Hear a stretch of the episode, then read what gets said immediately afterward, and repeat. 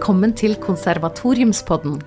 Podkasten som diskuterer brennbare temaer i høyere musikkutdanning. Er du interessert i institusjonell utvikling? Eller ønsker du å ta et oppgjør med utdaterte hierarkier? Kanskje er du nysgjerrig på hva det snakkes om i gangene på et konservatorium?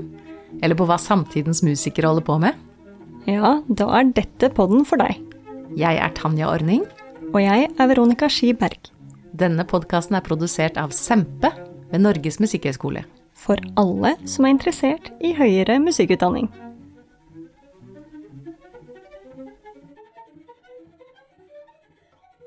I denne episoden skal vi snakke om fremtidens musiker. Eh, og musiker, det er jo ingen beskyttet tittel. Eh, jeg hadde nylig et møte med masterstudentene på Musikkhøgskolen, og eh, vi hadde en brainstorming der vi kom frem til over 100 forskjellige måter å være musiker på. Ja, det er ganske typisk i, når det gjøres undersøkelser hvor man prøver å få fatt på hva vil det si å lykkes som en musiker, eller hva er en musiker, hvordan er det musikere jobber, så kommer det altså inn veldig mange flere ulike nyanser enn det man trodde i utgangspunktet. Her er det veldig mange eksempler som vi skal dykke ned i senere. Men noe av det vi tar utgangspunkt i i denne episoden, er en bok som nylig kom ut, som tar for seg det norske musikklivet.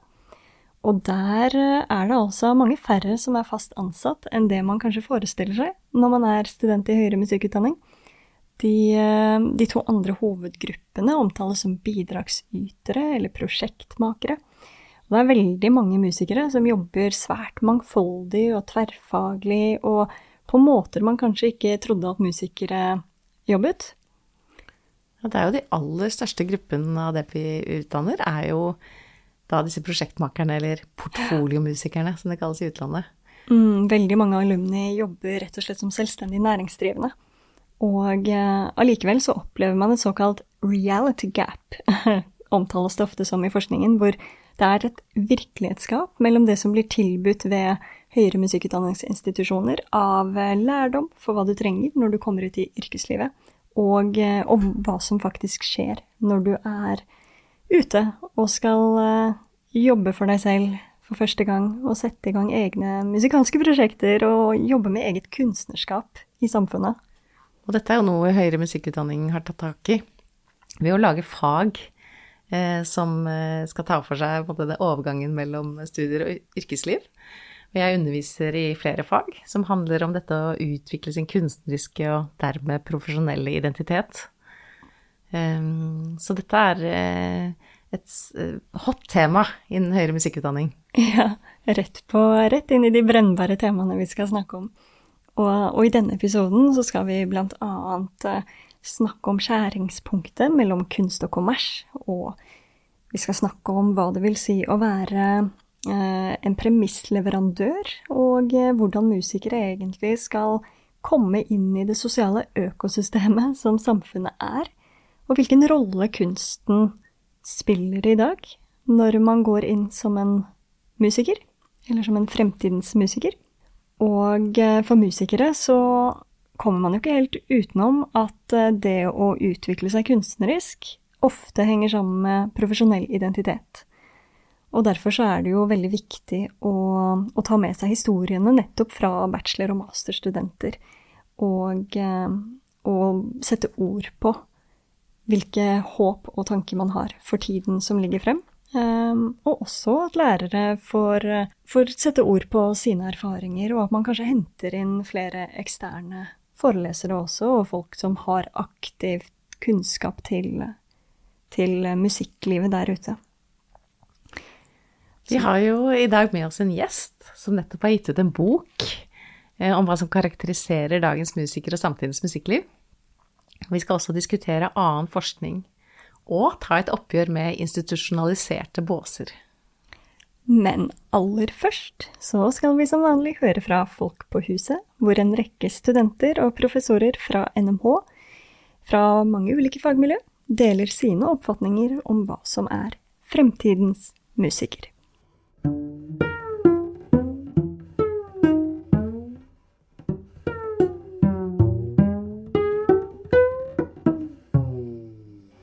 Hva tenker du om framtidas musiker?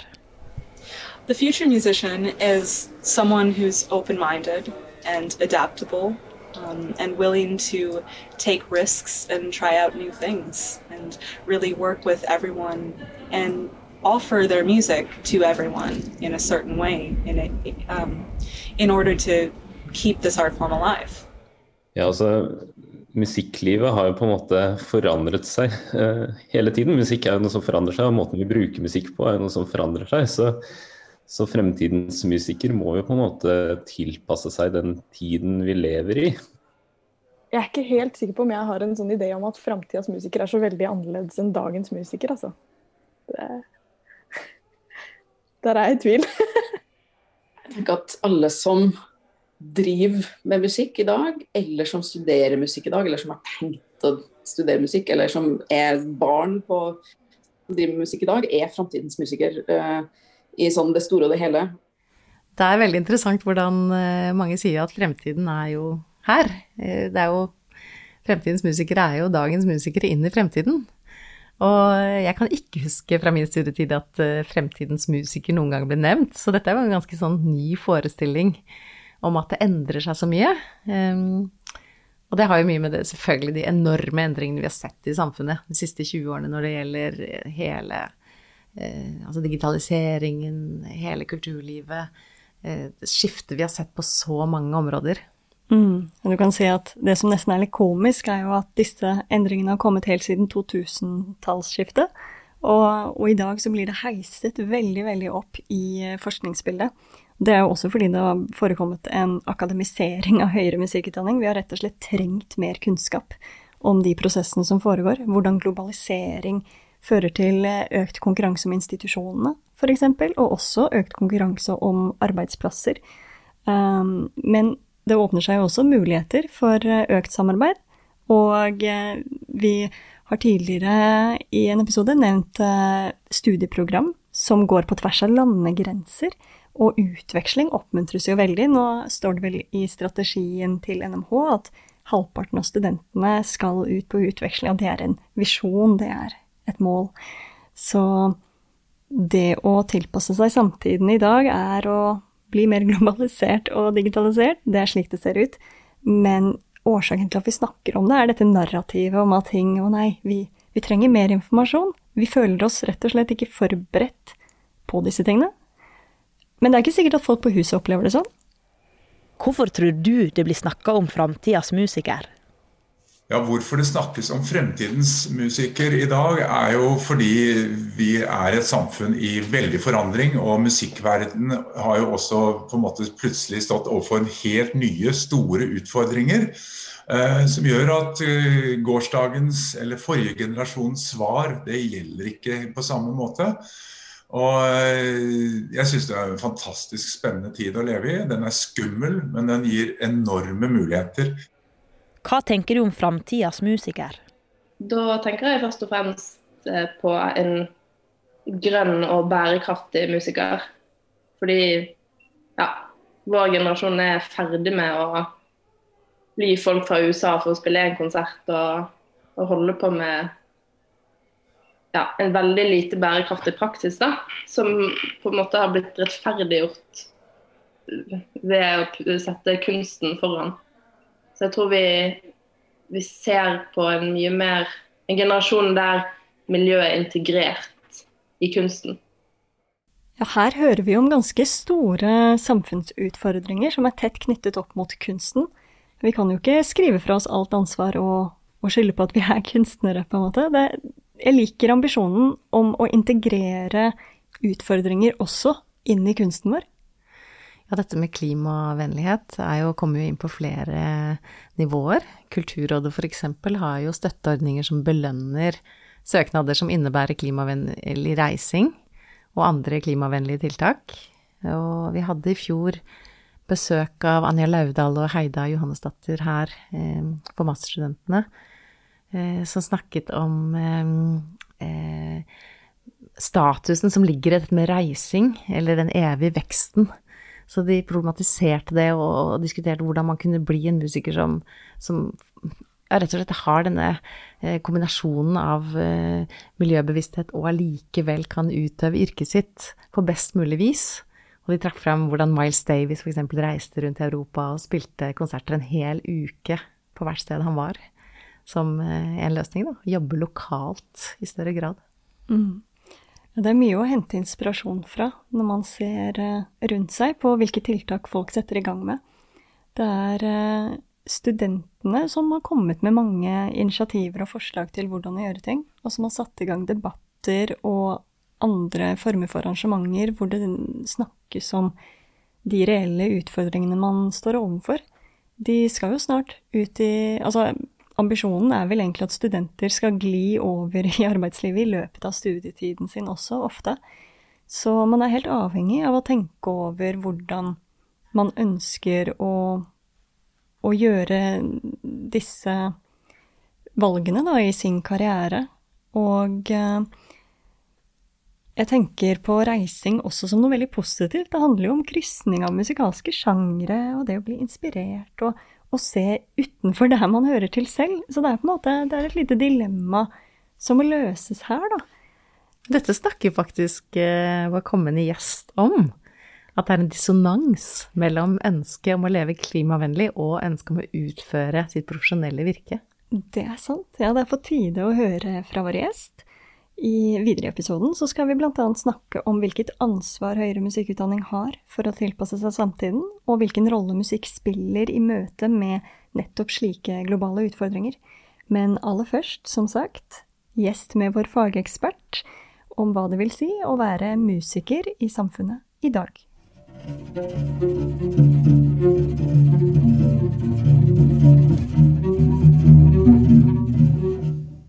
Jeg har den store gleden av å ønske velkommen episodens gjest, Sigrid Røyseng, som er professor i kultursosiologi ved Musikkhøgskolen.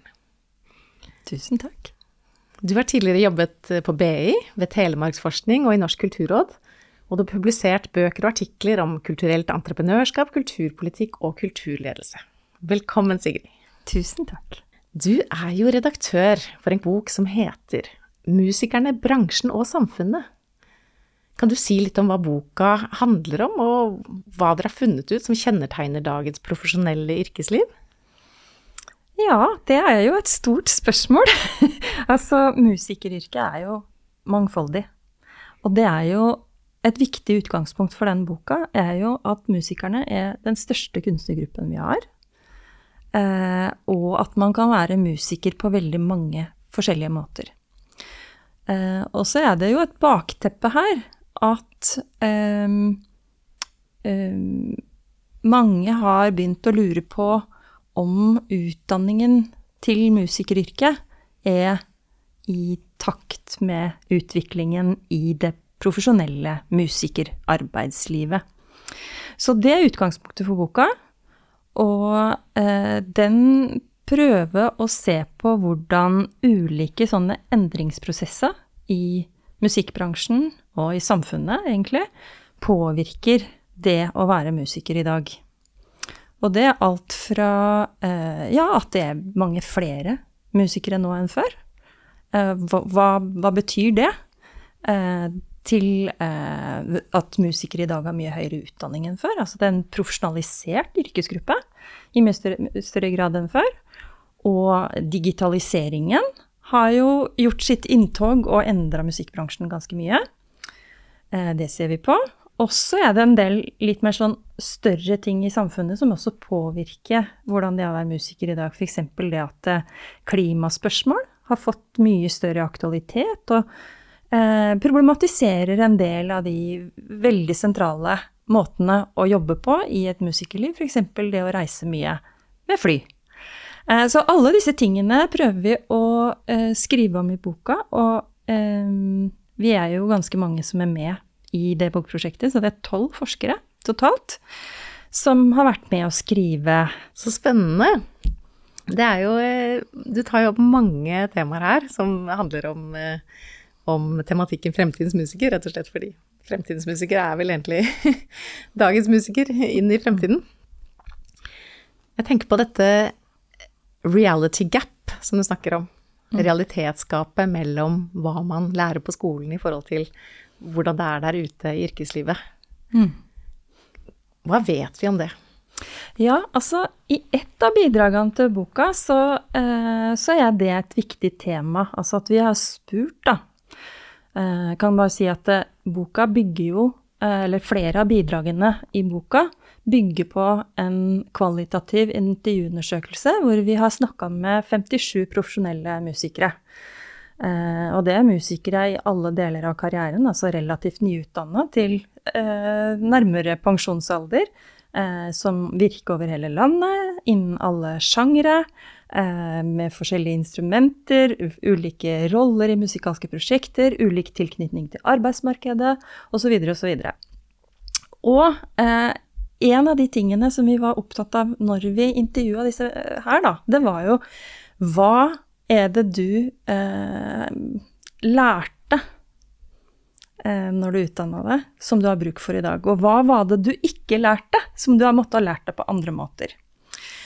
Eh, og et av de temaene som jo eh, kommer opp der, er jo et tema som har vært veldig mye diskutert når det gjelder høyere musikerutdanning. Det er jo i hvor stor grad skal eh, entreprenørskap og økonomiske administrative kompetanseområder inn i musikerutdanningen?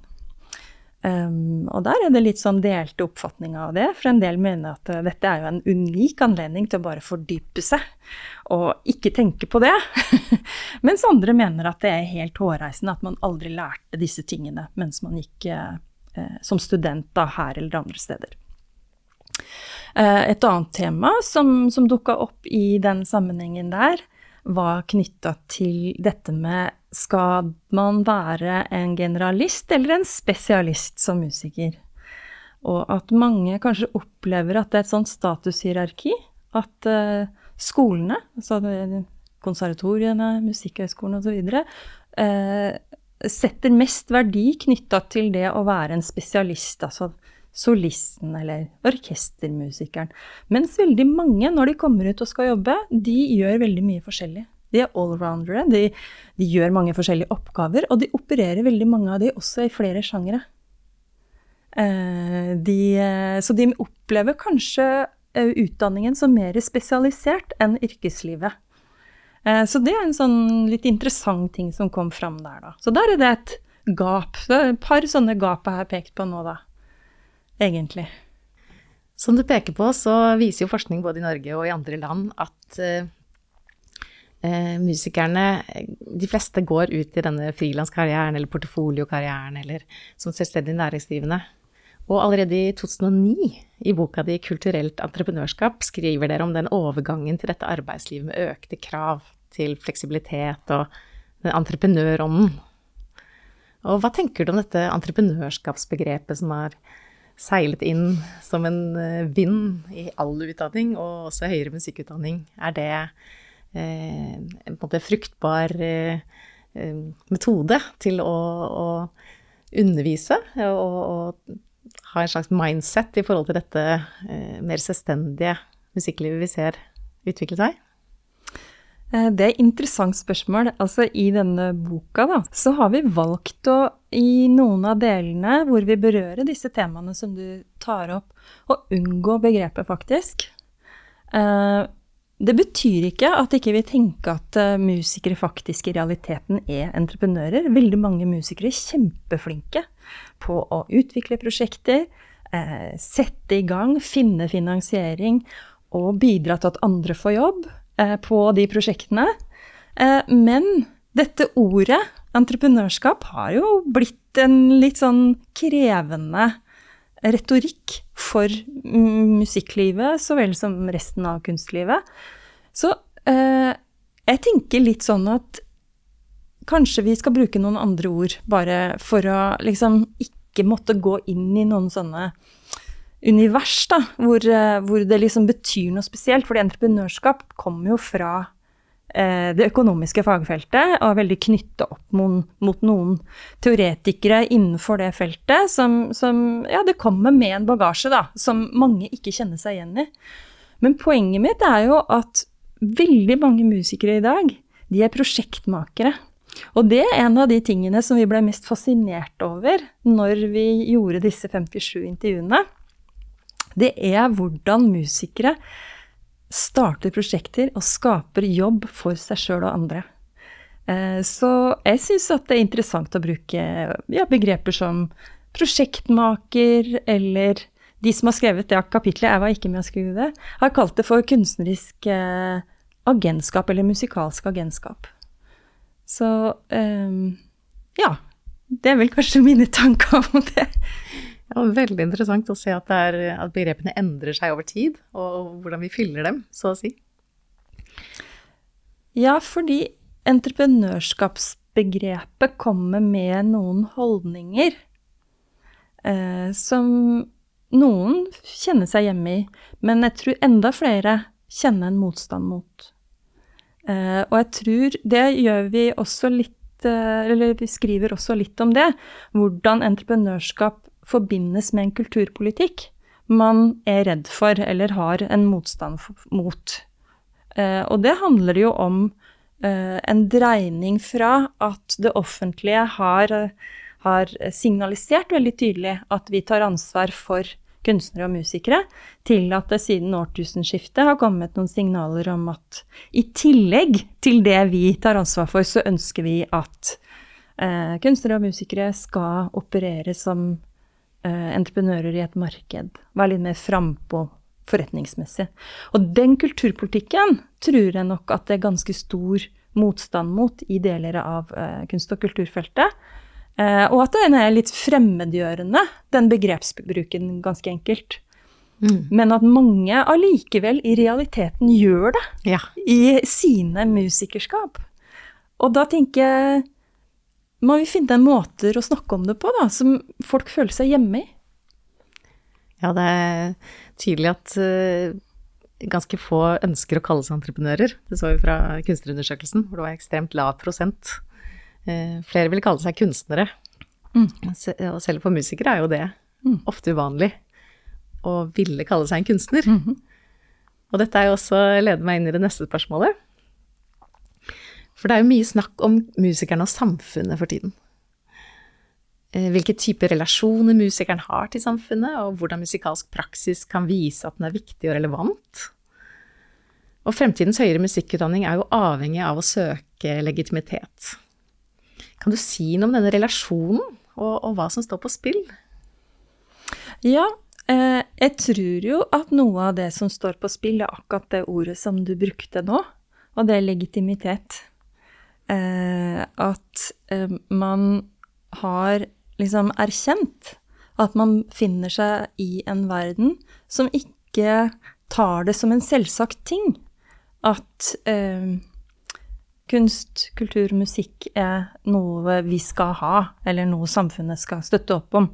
Nå sa jeg jo i og for seg at jeg tror at det fortsatt er sånn i politiske kretser, at man er ganske enige om at dette støtter vi opp om. Men behovet for å begrunne det har blitt større. Eh, og det tror jeg nok mange merker. Både, altså våre institusjoner merker det, og man merker det på individnivå. Og her kommer jo også pandemien inn, da. Hvor jeg tror mange har følt veldig sterkt på akkurat det der. At eh, det å se at kultursektoren på en måte ikke har blitt prioritert når man har vurdert hvilke restriksjoner som skal innføres for å hindre kontakt og, og, og, sånn i samfunnet, sosial kontakt, som det vil sies, så, så har det skapt en følelse av å eh, kanskje ikke føle seg verdsatt. Altså legitimiteten står på spill. Og det, det tror jeg at kommer til å være med oss en god stund. Behovet for å kunne sette ord på hva musikere bidrar med det er jo egentlig ikke så vanskelig, tror jeg, da. Jeg tror det er veldig mange ting mus altså musikk betyr for mennesker på individnivå og for et samfunn på et kollektivt nivå, men vi må tørre å snakke om det. Vi må finne ordene for det. Veldig fint, Sigrid. Fine, veldig fint å samtale med deg. Det kom jo opp veldig mye i første svaret ditt om boken. Eh, liksom i mange retninger som vi kunne ha trukket litt ut fra. De store spørsmålene vi må forholde oss til i dag, som klimaspørsmålet, har jo også eh, funnet veien inn i kunsten og i musikklivet. Eh, hva har du funnet ut eh, rundt dette i din forskning? Ja, altså dette er et spørsmål som kom opp da, eh, i den intervjuundersøkelsen. Um, og det er jo et veldig interessant tema, fordi at på den ene siden så har du en del verdier i musikklivet som jo har bygd opp under ganske eh, utstrakte reisevirksomhet. Og at det å ha en internasjonal turnévirksomhet f.eks. er en, et signal på at man er en suksessrik musiker. Eh, og det andre ting også knytta til ja, det å få vist seg fram, det å få nye kontakter, det å være i et uh, kulturelt utvekslingsforhold med folk andre steder. Uh, det krever at vi reiser. Så en del verdier i musikkverden som på en måte gjør at, at man har behov for å reise. Og også sånn ja, helt enkle ting som det praktiske. At det tar veldig lang tid å reise klimavennlig. Og hvis du skal ha en konsert der den ene dagen og et annet sted den andre dagen, hvordan løser du det? Eh, samtidig så har disse klimaverdiene blitt viktige eh, i samfunnet vårt fordi vi har fått disse rapportene som sier noe om hvor, eh, hvor eh, alvorlig klimaspørsmålet er. Og eh, det som er tydelig, da, i eh, de intervjuene vi har gjort, det er jo at dette resulterer i en slags sånn ambivalens, eller vi kaller det for en kulturell dissonans. Fordi at du har ulike verdier som står mot hverandre samtidig i det samme feltet. Eh, og det det gjør at en del, altså den dissonansen da, gjør at en del musikere f.eks. føler at ja, men jeg må fly for å spille den konserten. Men da skal jeg i hvert fall ikke spise rødt kjøtt, eller da må jeg eh, sortere søpla mi hjemme, liksom. Altså man kompenserer for å få konsonans, da, eh, i disse spørsmålene. Eh, men det som da er et sånt litt viktig aspekt, syns jeg, eller perspektiv her, er jo at dette er motstridende verdier i selve feltet. Altså musikklivet både fremmer verdier som peker i retning av mye flyreiser, og verdier som peker i retning av eh, et mer eh, si, eh, miljøvennlig, klimavennlig måte å være i en musikerkarriere på. Sånn at når vi snakker om disse tingene, så tenker jeg at det er i hvert fall ikke eh, tilstrekkelig å snakke om det bare som et individuelt ansvar eller individuelle valg. Det handler om noe mer, da.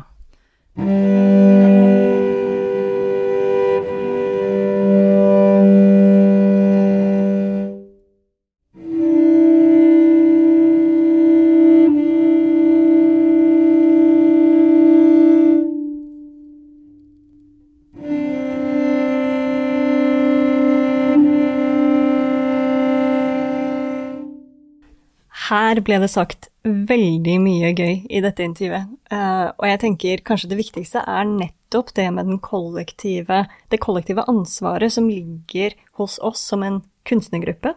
Det at vi står sammen om å forvalte musikk i samfunnet. Og dette kollektivet, det står jo av og til i litt motsetning til hvordan uh, det klassiske musikkstudiet drives, for det er jo mye fokus på solistrollen. Man står på øverrommet og øver time etter time på konserter og sonater, eh, og så viser det seg i det frie livet, frie feltet, eh, så er det jo faktisk eh, grupper kammermusikk som gjelder. Som jazzfeltet begynner med på dag én, og spiller sammen. Mm. Så de klassiske burde jo rett og slett ha mye mer fokus på kammermusikk. Rett og slett. Og det er mange som sier det. Jeg ser i yrkeslivet òg, da, hvis man skal kalle det det, i det profesjonelle musikklivet, så er det jo også sånn nå at kontekstualiseringen foregår ikke bare i høyere musikkutdanning, men også der ute. For eksempel så har jo Musikernes Fellesorganisasjon nettopp eh, blitt til, eller en stund tilbake, blitt til Creo, som nå kalles Norges største kunstnerorganisasjon. Og eh, Kraft er jo også en, en, tankesmie for kunst og kultur, hvor ulike yrkesgrupper kunstnere kommer sammen for å stå i det kollektive da, med å forvalte kunsten sin rolle i samfunnet, og diskutere hvilken rolle den kan spille. Så den kontekstualiseringen ser vi liksom gjennomsyrer hele kunstfeltet, kan vi si, og også på europeisk nivå. Ja, eh, for samarbeid er jo rett og slett en nøkkel i det frie musikklivet, eh, der prosjektmakeren er i overvekt. Og denne prosjektmakeren som vi har hørt om i, i boka til Røysing og Vinge og Stavrum, er veldig slekt med eh, Musician as Maker in Society, som er et eh, ASC-prosjekt. ASC er en organisasjon for musikkutdannere i Europa. Eh, og Helena Gaunt med flere har skrevet denne artikkelen som heter 'Musician as Maker in Society'. Maker in, of and for society. Og dette omhandler jo da den skapende musikeren og musikeren som vi ser et skift i hele høyere musikkutdanning, musikeren som vi nå må utdanne. Som ikke bare er skapere av prosjekter, men er skapende Eh, gjerne improviserende, gjerne komponerende. Så vi snakker om skaping på flere nivåer, men at det er en sånn proaktiv rolle av en eh, musiker, kunstner, som går ut og gjør noe i samfunnet, og virker i samfunnet. Dette er noe som kommer igjen og igjen, dette med å skape. Jeg føler det har vært en gjenganger gjennom podkastserien. Men det er altså pga. denne kontekstualiseringen da, og rett og slett det syntesearbeidet som har blitt gjort i Sempe, hvor man ser at det er denne veien det ser ut til å gå. Og det kan man selvsagt problematisere. Eh, det har vært mange diskusjoner rundt hva det vil si å ha en god overgang til arbeidslivet. Skal vi tilpasse oss, eller skal vi skape arbeidsmarkedet? Og her, eh, i mitt eget forskningsprosjekt, så var jeg nede ved en institusjon som, eh, som heter Otrechts konservatorium i Nederland. Og de har en sjangerfri linje, eh, på lik linje med frikastudiet i Oslo. Og eh, der har de rett og slett omdefinert entreprenørskapsbegrepet til å hete, eller de kaller det da, dynamic artistry. Og det som er sentralt med dette, er at det handler om nettopp å være egen premissleverandør for det man ønsker å se bli skapt der ute i arbeidslivet. Sånn at den profesjonelle identiteten til eh, da studenter og alumni og lærerne handler om å være en proaktiv skaper i det som um, Det man ønsker å se og ta tak i i samfunnet. Altså gjennom deres studier så har de veldig mye eksponering til hvilke debatter er det som foregår utenfor husets fire vegger, hvilke problematikker, hvilke utfordringer ser vi som vi ønsker å ta en del av. Altså rett og slett en slags sånn medborgerdiskurs. Og vi hadde nettopp eh, besøk av tidligere rektor Peter Tornquist på masterstudiene, hvor han eh, innførte begrepet VUCA, som står for Volatile, Uncertain, Complex, Ambiguous, som ofte brukes i forretningssammenhenger for å beskrive disse nye behovene og fleksibilitet i arbeidsmetoder i møte med denne raskt forandrende verden. Og denne diskursen som handler om at musikerne skal tilpasse seg og finne nisjer som, og behov i samfunnet, stilles jo da opp, som vi har snakket om, mot den derre kunstnerens rolle. Og det var interessant at det var noen eh, av studentene som, eh, som ytte dette motstand og, og kritiserte dette eh, i forhold til at vi må sette større fokus på kunstens og kunstnernes rolle, hvor vi kan insistere på noe gjennom kunst, kunsten vår. Og eh, den kunstneriske drivkraften og, og, og den derre kritiske rollen som faktisk kunsten har i samfunnet. Så disse to innfallsvinklene er jo et spenningsfelt som, eh, som høyere musikkutdanning eh, hele tiden strever med. Ja, det er typisk den skjæringspunktet mellom kunst og kommers. Og så finnes det jo også forskning som peker på at dette her er ikke motsetninger nødvendigvis. Men igjen da, så tror jeg det handler om diskurser og hvorvidt noe kommuniserer eller ikke. Det finnes annet eh, en artikkel fra DAFME-prosjektet som handlet om akademiseringsprosesser i høyere musikkutdanning, og en artikkel fra NTNU, som er et helt annet prosjekt, og ikke minst mitt eget prosjekt, hvor man finner at selv om folk oppfører seg veldig entreprenørielle og er veldig positive til å ha en sånn proaktivitet til å skape ting og holde på med sånn prosjektmakeri da, i sitt eget kunstnerskap, så er de skeptiske til de neoliberale føringene som ligger i det å skulle tilpasse seg. Så jeg tenker her ligger det masse potensial for å tenke på sosialt ansvar og, og, det å Vi må jo være økonomiske aktører, um, men vi, det handler også om medborgerskap og hva slags samfunn vi ønsker å være i, og vi kan ikke diskutere det uten også å diskutere kunsten sin rolle i samfunnet. Og, så dette her er noe vi ser komme fra studentene da, i slike former um, for undersøkelser og forelesninger. Og igjen så er dette en god grunn til at studentene må tale, og så, og så må vi lytte. Jeg underviser i Proff 20. Da leser jeg hvert år 70 bachelorstudenters fremtidsvisjoner og karriereplaner. Og det er utrolig morsom lesing, for nesten alle er helt fantastisk optimistiske med tanke på fremtiden. Altså alle har en stor optimisme på at de skal klare seg som musikere, og nesten alle nevner at de har mange ben å stå på. Selv de som vil bli orkestermusikere, har alltid en plan B. Og dette stemmer jo også med tall fra virkeligheten, at eh, de aller fleste får jobb. Mm. Det positive der er, eh, som vi så under pandemien, at det kreves en proaktivitet og en kollektiv innsats for å plassere kunsten på kartet, rett og slett. Her har vi en formidlingsjobb som må gjøre. Og vi håper jo at uh, i etterkant av denne podkastserien at man kanskje har fått noen nye tanker og at uh, man har litt bedre kjennskap til hva Sempe har jobbet med det siste nesten tiåret. Og uh, at det er mulig å få innspill på hva som skjer videre.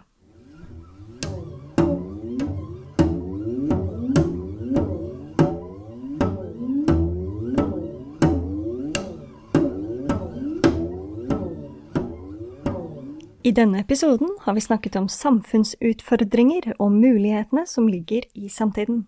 Vi har snakket om hva som karakteriserer dagens musikere, og vårt kollektive ansvar for å forsvare kunsten sin rolle i samfunnet.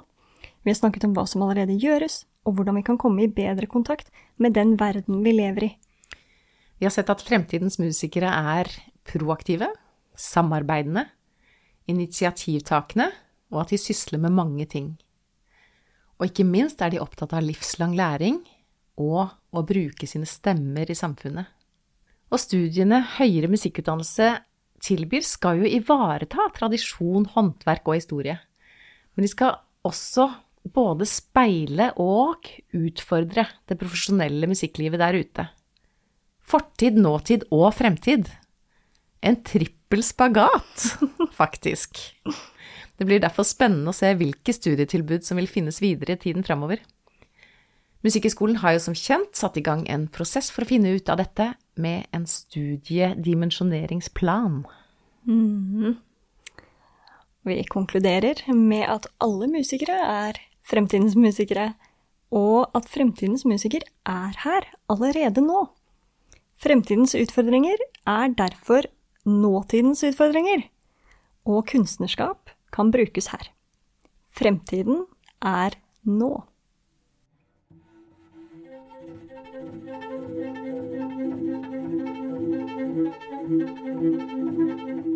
Det var femte episode av Konservatoriumspodden.